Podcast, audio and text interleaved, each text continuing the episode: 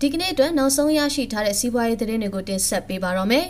။ပြီးခဲ့တဲ့2021ခုနှစ်အတွင်းမြန်မာနိုင်ငံမှာအလုတ်အကင်ဆုံးရှုံးမှုပေါင်း1.6တန်းရှိခဲ့တယ်လို့အပြည်ပြည်ဆိုင်ရာအလုတ်သမားရေးရာအဖွဲ့ ILO ကခန့်မှန်းထားပါတယ်။စစ်တပ်ရဲ့အာဏာလွှဲပြောင်းယူမှုက COVID-19 ရိုက်ခတ်မှုနဲ့ချီနယ်ပြီးသားဖြစ်တဲ့လုံသားစည်းကွက်ကိုထိုးနှက်လိုက်တဲ့သဘောဖြစ်ပြီးအမျိုးသမီးလုံသားများကအပြင်းထန်ဆုံးရိုက်ခတ်ခံရသူများဖြစ်တယ်လို့ ILO ရဲ့ထုတ်ပြန်ချက်မှာဖော်ပြထားပါတယ်။ 2021ခုနှစ်ဖေဖော်ဝါရီလ1ရက်စစ်တပ်ကအာဏာသိမ်းပြီးတစ်နှစ်ရှိလာပြီဖြစ်ပေမဲ့လုံသားစည်းကွက်ကဆက်လက်မခိုင်မခန့်ရှိနေဆဲဖြစ်ပြီးအာဏာသိမ်းခြင်းက COVID-19 ကပ်ရောဂါဆိုးရဲ့တက်ရောက်မှုကိုပုံမိုဆိုးဝါးစေတယ်လို့ဆိုပါတယ်။2020နဲ့နှိုင်းယှဉ်ရင်2021ခုနှစ်မှာအလုပ်လုပ်တဲ့အချိန်နာရီက18ရာခိုင်နှုန်းကျဆင်းသွားကြောင်း ILO ကခံမှန်းထားပြီးဒါကအချိန်ပြည့်အလုပ်သမားပေါင်းအနည်းဆုံး3.3တန်းရဲ့အလုပ်လုပ်ချိန်နဲ့ညီမျှတယ်လို့ဆိုပါတယ်။ ဒီလှုပ်လှုပ်ချိန်နာရီဆုံးရှုံးမှုကအလောက်ကင်ဆုံးရှုံးမှုအပြင်မိမိအရေးချင်းအောင်နေတဲ့အလုပ်မှာလောက်ကင်နေရခြင်းတို့ကြောင့်ဖြစ်ပေါ်ရတယ်လို့ပြောကြားထားပြီးအဓိကကျတဲ့လုပ်ငန်းကဏ္ဍတွေကကြီးမားတဲ့ရိုက်ခတ်မှုကိုခံစားကြရတယ်လို့ဖော်ပြထားပါတယ်။ လုံသားစည်းကွက်အတွင်းတိုးတက်မှုရှိခဲ့တဲ့နှစ်တွေကနောက်ပြန်ဆွဲလျက်ရှိနေတာကိုလည်းမြင်တွေ့နေရတာဖြစ်ပါတယ်။ဒီလိုဆက်ဖြစ်နေမဲ့ဆိုရင်နိုင်ငံတော်ဝန်စင်ရဲနွမ်းပါမှုမရေရာမသေးချာမှုတွေတိုးလာမဲ့ဘက်ကိုဦးတည်သွားနိုင်တယ်လို့ ILO မြန်မာရဲ့ဆက်သွယ်ညီနိုင်မှုအရာရှိကိုယ်စားလှယ်ကပြောကြားထားပါတယ်။ကျေးလက်ဒေသတွေကလယ်သမားတွေဟာလက်နက်ကင်ပြိပခအကြမ်းဖက်မှုနဲ့လုံခြုံစိတ်ချမှုမရှိခြင်းရဲ့ပြင်းထန်တဲ့ရိုက်ခတ်မှုတွေကိုခံနေရပြီးစောက်လို့ရေးအထည်ချုပ် ခီးသွွားနဲ့ဧဝင်ဆောင်မှုလုပ်ငန်းတွေကလည်း2021ခုနှစ်မှာအပြင်းထန်ဆုံးရိုက်ခတ်ခံရတဲ့လုပ်ငန်းများထဲမှာပါရှိတယ်လို့သိရပါဗျ။ဒငင်းကုန်းလက်ကားဈေးကိုစီမံခန့်ခွဲလုတ်ကင်နေတဲ့မြန်မာ Agro Exchange အများနဲ့သက်ဆိုင်တဲ့ကုမ္ပဏီ limited ရဲ့စုစုပေါင်းဝင်ငွေက2020-2021ဘဏ္ဍာနှစ်မှာကျပ်8.3ဘီလီယံရရှိခဲ့တယ်လို့ဗတ်စုံဝင်ငွေရှင်းတဲ့မှာဖော်ပြထားပါတယ်။ COVID-19 ကပ်ရောဂါဘေးရိုက်ခတ်မှုကြောင့် အလို့သဘောဆောင်တဲ့တက်ရောက်မှုတွေရှိခဲ့ပေမဲ့လည်း2019-2020ဘဏ္ဍာနှစ်ကရရှိတဲ့ဝင်ငွေကျပ်1.5ဘီလီယံနဲ့နှိုင်းယှဉ်ရင်ပိုမိုတိုးတက်ခဲ့ပြီးကျပ်9.8ဘီလီယံထိပိုမိုရရှိခဲ့တာလည်းဖြစ်ပါတယ်။ Shop House ရောင်းချခြင်းမှာရရှိတဲ့ဝင်ငွေကစုစုပေါင်းဝင်ငွေရဲ့61ရာခိုင်နှုန်းရှိနေပြီးရခိုင်နှစ်ကတခန်းသာရောင်းခဲ့ရပေမဲ့ယခုအစီရင်ခံစာကာလအတွင်း Shop House ခုနှလုံးရောင်းချခဲ့ရက လက်ရှိစီးပွားရေးအခြေအနေအရငွေကြေးဖောင်းပွားမှုကြောင့်အိမ်ချမ်းမြေဈေးကွက်ဖွံ့ဖြိုးလာပြီးအယောင်တိုးလာခဲ့တယ်လို့ဆိုပါတယ်။ဈေးရုံလုပ်ငန်းကဝင်ငွေများမှာလဲ39ရာခိုင်နှုန်းတိုးတက်လာကကျပ်3.2ဘီလီယံရရှိခဲ့ပြီးဈေးရုံများငှားရမ်းဝင်ငွေမော်တော်ယာဉ်နဲ့မော်တော်ဆိုင်ကယ်များဝင်ကြေးရရှိငွေတို့ကအထူးကဝင်ငွေတိုးတက်စေခဲ့တယ်လို့ရှင်းနှံမှာဖော်ပြထားပါတယ်။ COVID-19 ဒုတိယတတိယလှိုင်းတို့ပြင်းထန်ခဲ့ပေမဲ့ဒညင်းကုန်းစည်းမှာရောင်းချတဲ့ကုန်ပစ္စည်းတွေကအခြေခံစားတောက်ကုန်တွေဖြစ်တဲ့ဟင်းသီးဟင်းရွက်များနဲ့သီးနှံတွေဖြစ်တာကြောင့်ဆက်လက်တိုးတက်လျက်ရှိနေပြီးဈေးကွက်အတွင်းတန်ရှင်းတက်ရမှုတို့ကြောင့်ဈေးဝယ်သူတွေကိုပုံမှုဆွဲဆောင်နေတယ်လို့သိရပါဗျ။လာမယ့်နှစ်မှာ short house အယောင်းဝယ်ပုံမှုမြင့်တက်လာဖို့ရှိနေပြီးမြင်းနောင်ဈေးမှာရွှေပြောင်းဖွင့်လှစ်ခြင်းဒညင်းကုန်းဈေးမှာလိုအပ်တဲ့ကုန်ပစ္စည်းတွေဓာတ်ရိုက်ရောင်းချနိုင်အောင်ပွဲရုံများဖွင့်လှစ်ခြင်း ငွေကြေးဖောင်းပွားမှုကြောင့်အိမ်ချမ်းမြေမှာယင်းနှိမ့်မြုပ်နှံမှုပုံမှုလှုပ်လာကြတာကြောင့်လည်းဖြစ်ပါတယ်။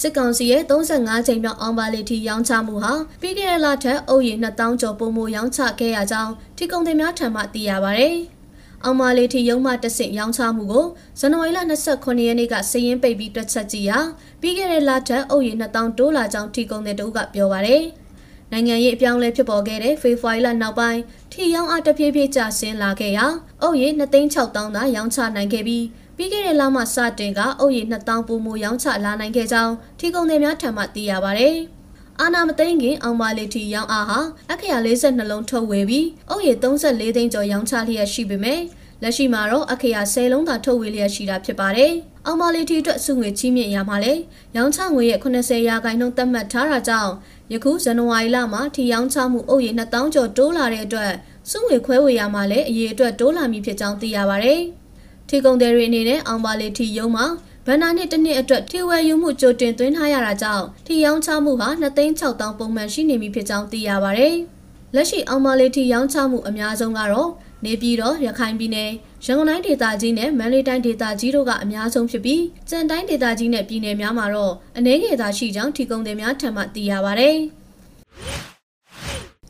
စစစ်တပ်အာဏာသိမ်းပြီးနောက်သွင်းအားစုကုန်ပစ္စည်းတွေဈေးနှုန်းအဆမတန်မြင့်တက်လာတဲ့အတွက်ကြောင့်ဟင်းသီးဟင်းရွက်နဲ့တတိဝလံစိုက်ပျိုးသူတွေအရှုံးနဲ့ရင်ဆိုင်နေရတယ်လို့စိုက်ပျိုးထုတ်လုပ်သူတွေကပြောပါတယ်။ ဟင်းသီးဟင်းရွက်နဲ့တတိဝလံစိုက်ပျိုးသူတွေဟာစစ်တပ်အာဏာသိမ်းပြီးနောက်သွင်းအားစုကုန်ပစ္စည်းဈေးနှုန်းမြင့်တက်လာမှုနဲ့အတူရာသီဥတုဖောက်ပြန်မှုကြောင့်အထွတ်နှုံနဲ့လို့အရှုံးနဲ့ရင်ဆိုင်နေကြရတာဖြစ်ပါတယ်။စိုက်ပျိုးရေးလုပ်ငန်းတွေမှာအဓိကအသုံးပြုနေတဲ့သွင်းအားစုဓာတ်မြေဩဇာဈေးနှုန်းဟာစစ်တပ်အာဏာသိမ်းတဲ့တစ်နှစ်တာကာလအတွင်းတအိတ်ကိုကျပ်2000ကျော်ကနေကျပ်9000လောက်ထိလေးစာနီးပါးဈေးနှုန်းမြင့်တက်ခဲ့ပါတယ်။လက်ရှိမှာတော့တတိဝလံစိုက်ပျိုးထုတ်လုပ်သူတွေဟာ ကုန်ကျစရိတ်ကြီးမြင့်မှုနဲ့အတူတိနံထွက်ရှိမှုတိတိတသားကျဆင်းလာတယ်လို့တတိဝလံစိုက်ပျိုးထုတ်လုပ်နေသူတို့ကပြောပါတယ်။တတိဝလံစိုက်ပျိုးသူတွေဟာလျှက်စစ်ပြီးမမှန်တာကြောင့်ဈေးနှုန်းကြီးမြင့်နေတဲ့73စီကိုဝယ်ယူပြီးရေသွင်းပေးနေရတာဖြစ်လို့စိုက်ပျိုးမှုကုန်ကျစရိတ်တွေပုံမမြင့်တက်လာတဲ့အခက်အခဲကိုပါရင်ဆိုင်နေရပါတယ်။ဒါအပြင်ထွက်ရှိလာတဲ့ဟင်းသီးဟင်းရွက်နဲ့တတိဝလံတွေကလည်းဈေးကောင်းမရတဲ့အခြေအနေကိုကြုံတွေ့နေကြရပြန်ပါတယ်။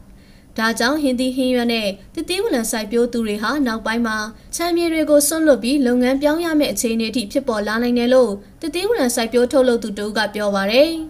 လက်ရှိမှာတော့ဟင်းသီးဟင်းရွက်နဲ့တတိဝလံစိုက်ပျိုးသူတွေဟာထွက်ရှိလာတဲ့ကုန်ပစ္စည်းတွေဈေးကောင်းမရတဲ့အပြင်တဲယူပို့ဆောင်ရေးစိတ်ပုံမကုန်ကျနေတဲ့အတွက်ကြောင့်စိုက်ပျိုးထုတ်လုပ်မှုထက်ဝက်နီးပါးရှော့ချလာကြတာဖြစ်ပါတယ်။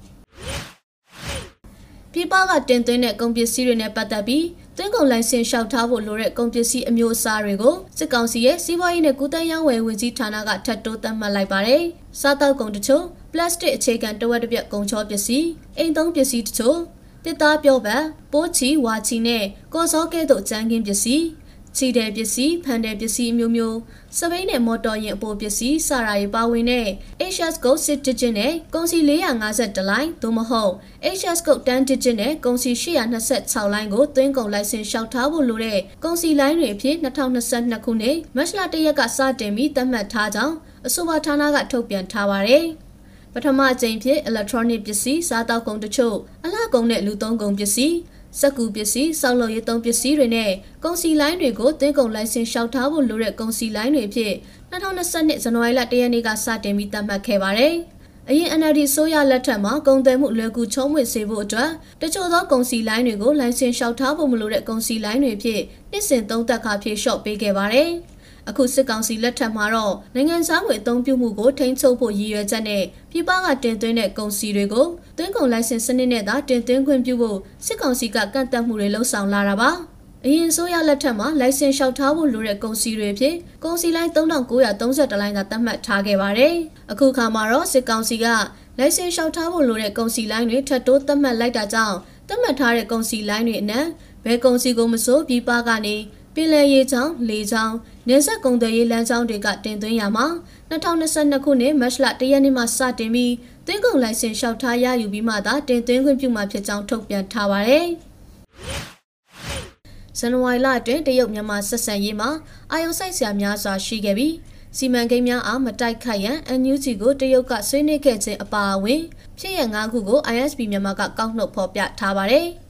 2021ခုနှစ်ဖေဖော်ဝါရီလ1ရက်နေ့မှာမြန်မာနိုင်ငံမှာစစ်အာဏာသိမ်းမှုဖြစ်ခဲ့ပြီးတရုတ်နိုင်ငံရဲ့ရည်တည်ချက်မှာအငင်းပွားဖွယ်ရာဖြစ်ဆက်လက်ရှိနေခဲ့ပါတယ်။အနောက်နိုင်ငံများကမြန်မာနိုင်ငံအပေါ်စီးပွားရေးအရအရေးယူပိတ်ဆို့မှုများပြုလုပ်ခဲ့ပေမဲ့လည်းကုလသမဂ္ဂစင်မြင့်အပါအဝင်နိုင်ငံတကာမျက်နှာစာတွေမှာစစ်ဆိုးရကိုကာကွယ်ပေးခြင်းနေဆက်စီးပွားရေးလမ်းကြောင်းများကိုဖွင့်လှစ်ပေးခြင်းရင်းနှီးမြှုပ်နှံမှုတိုးမြင့်ခြင်းများကိုတရုတ်နိုင်ငံကဖော်ဆောင်ခဲ့တာကြောင့် တရုတ်နိုင်ငံဟာမြန်မာနိုင်ငံရဲ့အရေးပါတဲ့မိဖက်နိုင်ငံတစ်ခုဖြစ်ပေါ်ထွက်လာခဲ့ပါတယ်။ ISP မြန်မာကကောက်နှုတ်ဖော်ပြထားတဲ့ဖြစ်ရပ်၅ခုကတော့တရုတ်စီမံကိန်းများကိုမတိုက်ခိုက်ရန် NUG ကိုတရုတ်ကဆွေးနွေးခဲ့ခြင်းတရုတ်မြန်မာစီးပွားရေးစင်ကြံနဲ့ပတ်သက်ပြီးအစည်းအဝေးပြုလုပ်ခြင်း6လကြာပိတ်ထားတဲ့လွယ်ကျဲလာရင်နေဆက်ကိတ်ပြန်ဖွင့်ခြင်းကမ္ဘောဒီးယားကိုအင်တိုက်အားတိုက်ထောက်ခံကြောင်းပြောဆိုခဲ့ခြင်းနှစ်ပတ်အတွင်းအမေရိကန်ဒေါ်လာတသန်းကိုစစ်ကောင်စီတို့လှူဒန်းခဲ့ခြင်းတို့ပဲဖြစ်ပါတယ်။ 2022ခုနှစ်ဇန်နဝါရီလ22ရက်နေ့ကမြန်မာနိုင်ငံမှာရင်းနှီးမြှုပ်နှံမှုပြုလုပ်ထားတဲ့တရုတ်နိုင်ငံရဲ့စီးပွားရေးလုပ်ငန်းတွေနဲ့စီမံကိန်းများကိုမတိုက်ခိုက်ဖို့အမျိုးသားညီညွတ်ရေးအစိုးရ NUG ကိုတရုတ်နိုင်ငံဘက်ကဆွေးနွေးပြောဆိုခဲ့ကြောင်းသတင်းမီဒီယာများကဖော်ပြခဲ့ပါတယ်။ NUG ကာကွယ်ရေးဝန်ကြီးဦးရီမွန်ကအိန္ဒိယနိုင်ငံများကလာရောက်ရင်းနှီးမြှုပ်နှံထားတဲ့အကျိုးစီးပွားတွေကိုတိုက်ခိုက်ဖို့မူဝါဒမရှိကြောင်းတုံ့ပြန်ခဲ့ပါတယ်။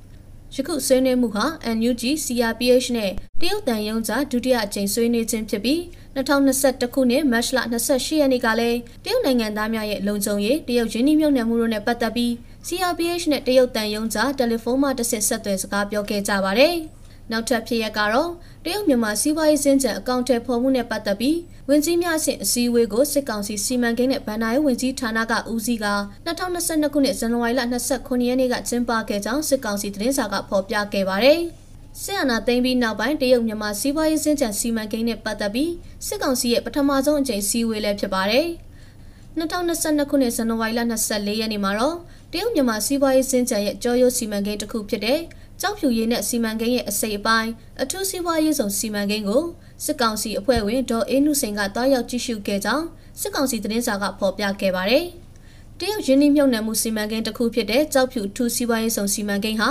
တရုတ်သမ္မတရှီကျင်းဖျင်ရဲ့မြန်မာနိုင်ငံခရီးစဉ်အတွင်းတရုတ်မြန်မာစီးပွားရေးစင်ကြံမှာအထူးကစီမံကိန်းတစ်ခုဖြစ်သတ်မှတ်ခဲ့ခြင်းဖြစ်ပါတယ်။အဆိုပါစီမံကိန်းဟာ China International Trust Investment Corporation CITIC နဲ့ကြောက်ဖြူထူးစီးပွားရေးဆောင်စီမံခန့်ခွဲမှုကော်မတီတို့ပူးပေါင်းအကောင့်ထဲပေါ်ရန်အတွက်ပြင်ဆင်နေခြင်းဖြစ်ပါတယ်။စစ်ကောင်စီလက်ထက်မှာတော့ကြောက်ဖြူရင်းနဲ့စိတ်ကန်းစီမံခန့်ခွဲမှုကော်မတီကိုပြန်လည်ဖွဲ့စည်းခဲ့တာဖြစ်ပါတယ်။နောက်ထပ်ဖြစ်ရပ်ကတော့ COVID-19 ကပ်ရောဂါကြောင့်6လကြာပိတ်ထားခဲ့တဲ့ကချင်ပြည်နယ်မှာရှိတဲ့လွယ်ကျဲလာရင်မြန်မာတရုတ်နယ်စပ်ဂိတ်ကိုပြန်လည်ဖွင့်လှစ်ခဲ့ကြောင်းမြန်မာနိုင်ငံဆိုင်ရာတရုတ်တန်ယုံကထုတ်ပြန်ခဲ့ပါတယ်။ စမ်းသက်ကာလအတွင်းကြံနဲ့တ िश ူးငပြောတို့ကိုတင်ပို့ခွင့်ပြုမိဖြစ်ပြီးတရက်လျင်ကုန်တင်ရင်အစီး30တာဝင်ထွက်ခွင့်ပြုမိဖြစ်ကြောင်းသိရပါဗျ။ဇန်နဝါရီလအတွင်းတရုတ်မြန်မာဆက်ဆံရေးမှာအာယုံစိုက်စရာဖြစ်ရများစွာရှိခဲ့ပြီးဆက်အာဏာသိမ်းပြီးနောက်ပိုင်းတရုတ်ရဲ့တုံ့ပြန်မှုရဆွဲမှတ်တမ်းတွေကို ISP မြန်မာကလဆင်ဖော်ပြနေတာပဲဖြစ်ပါတယ်။စောင်းစီစေးဟာတဒန်းကို ringgit 9500အထိမြင့်တက်နေပြီးစံချိန်သစ်များထပ်မံဖြစ်ပေါ်နိုင်ပါတယ်လို့ စောင့်ကြည့်လေ့လာသူတွေကခန့်မှန်းထားကြပါတယ်။စီယုံစိုက်ပျိုးပြီးစောင်းစီအမျိုးမျိုးထုတ်လုပ်တဲ့အင်ဒိုနီးရှားနိုင်ငံမှာစောင်းစီပြည်ပပို့ကုန်ပေါ်အခွန်ကောက်ခံတဲ့အပြင်စောင်းစီအကျန်းနဲ့အချော်တင်ပို့ကြတဲ့ပို့ကုန်လုပ်ငန်းရှင်တွေအနေနဲ့ပို့ကုန်ပမာဏစုစုပေါင်းရဲ့20ရာခိုင်နှုန်းကိုပြည်တွင်းဈေးကွက်အတွက်ဖယ်ထားရမှာဖြစ်တယ်လို့အင်ဒိုနီးရှားကုန်သွယ်ရေးဝန်ကြီးကပြောကြားခဲ့ပါတယ်။အင်ဒိုနီးရှားနိုင်ငံရဲ့ပြည်တွင်းဈေးကွက်အတွင်းစောင်းစီချမ်းရောင်းဈေးမှာ1ကီလိုဂရမ်ကိုရူပီယာ9300 အမေရိကန်ဒေါ်လာ3.65ဖြင့်၎င်းစီချောကိုရူပီယာ1300ဖြင့်၎င်းရောင်းချရန်ဈေးနှုန်းသတ်မှတ်ပြဋ္ဌာန်းထားပါတယ်။ဟင်းသီးဟင်းရွက်စီအမျိုးမျိုးရှိတဲ့အနက်စောင်းစီအများဆုံးတင်ပို့တဲ့အင်ဒိုနီးရှားနိုင်ငံမှာပြဋ္ဌာန်းချက်အသစ်ကြောင့်တင်ပို့မှုပမာဏရော့ကျနိုင်ပြီးဈေးနှုန်းမြင့်တက်နေချိန်ဒုတိယအများဆုံးတင်ပို့တဲ့မလေးရှားမှာစိုက်ကဲလုံသားမရရှိတာကြောင့်ထုတ်လုပ်မှုရော့ကျနေကစောင်းစီစေးမြင့်တက်နေတာလည်းဖြစ်ပါတယ်။ အခြားဟင်းသီးဟင်းရွက်စီပဲပုတ်စီနဲ့နေကြစီတို့လည်းဈေးနှုန်းမြင့်တက်နေပါတယ်။2022ခုနှစ်ဇန်နဝါရီလ29ရက်နေ့ရန်ကုန်စီဈေးကွက်အတွင်းတပိတ်တာပေါက်ဈေးမှာကျပ်4950ဖြစ်ပါတယ်။ရန်ကုန်စိတ်ကမ်းသို့တင်သွင်းပြီးလက်ကားဖြန့်ချီတဲ့ကုန်သည်ကြီးများတို့ရောင်းချတဲ့နေ့စဉ်ဈေးနှုန်းဖြစ်ပြီးစားသုံးစီသုံးလောင်ကန်တွေမှာထုတ်ယူရတဲ့ကန်တင်စီဈေးနှုန်းလည်းဖြစ်ပါတယ်။ပြည်ပစားသုံးစီစေးမှာမြန်မာပြည်ရောက် IV58 အရေးသေးတံလျင် American Dollar 1445အထိမြင့်တက်ခဲ့ပါတယ်။ငွေလဲနှုန်း1980နဲ့တွက်လျင်ရန်ကုန်စိတ်ကမ်းအရောက်အရင်ဈေးမှာတပိတ်သား4985ကျပ်ခန့်ကျတင်မှာဖြစ်တယ်လို့သိရပါတယ်။တကဘာလုံးမှာကွန်ပျူတာချစ်ပြက်လက်မှုကြုံနေရပေမဲ့ Apple Multimedia ကုမ္ပဏီကြီးဟာနှစ်သက်ကူကာလအပါအဝင်ပြီးခဲ့တဲ့3လပတ်အတွင်းရောင်းအဆန်ချိန်တင်မြင့်တက်ခဲ့ပြီး အသက်တင်မြတ်ငွေဒေါ်လာ124ဘီလီယံနီးပါးရရှိခဲ့တယ်လို့ရိုက်တာသတင်းကဖော်ပြထားပါတယ်။တကဘာလုံးကိုဗစ်ဘေးကြောင့် iPhone ထုတ်လုပ်တဲ့စက်ရုံတွေပိတ်ရမယ့်ပြဿနာကိုအကောင်းဆုံးကင်တွယ်နိုင်ခဲ့ပြီးတည်ယူပို့ဆောင်ရေးကြံ့ကြာမှုကိုလည်းတခြားပြိုင်ဘက်ကုမ္ပဏီတွေထက်တာလွန်အောင်စီမံနိုင်ခဲ့တယ်လို့ဆိုပါတယ်။ပြီးခဲ့တဲ့6နှစ်အတွင်း iPhone တွေဟာတရုတ်မှာရောင်းအားအမြင့်ဆုံးဖြစ်ခဲ့တာပါ။ Apple ကုမ္ပဏီဟာကွန်ပျူတာ Mobile TV ဂီတအပါအဝင်နည်းပညာပစ္စည်းပေါင်းစုံကို တကဘာလုံးကိုရောင်းချနေပြီးပုံမှန်မှာယူအားပေးသူ subscriber တန်း800နီးပါးရှိနေတာပါ Apple ဟာဈေးကွက်တန်ဖိုးဒေါ်လာ3 trillion တန်ကြေးရှိကမ္ဘာပထမဆုံးကုမ္ပဏီဖြစ်လာပြီးပြီးခဲ့တဲ့16လအတွင်းတန်ဖိုးဒေါ်လာ1ဘီလီယံခုန်တက်ခဲ့တာလည်းဖြစ်ပါတယ်။အခုတင်ဆက်ပေးခဲ့တာကတော့နောက်ဆုံးရစီးပွားရေးသတင်းအကြောင်းအရာတွေပဲဖြစ်ပါတယ်။ဒီကနေ့ရဲ့တင်ဆက်မှုကိုဒီလောက်နဲ့ပဲရန်နာပြစေရှင်။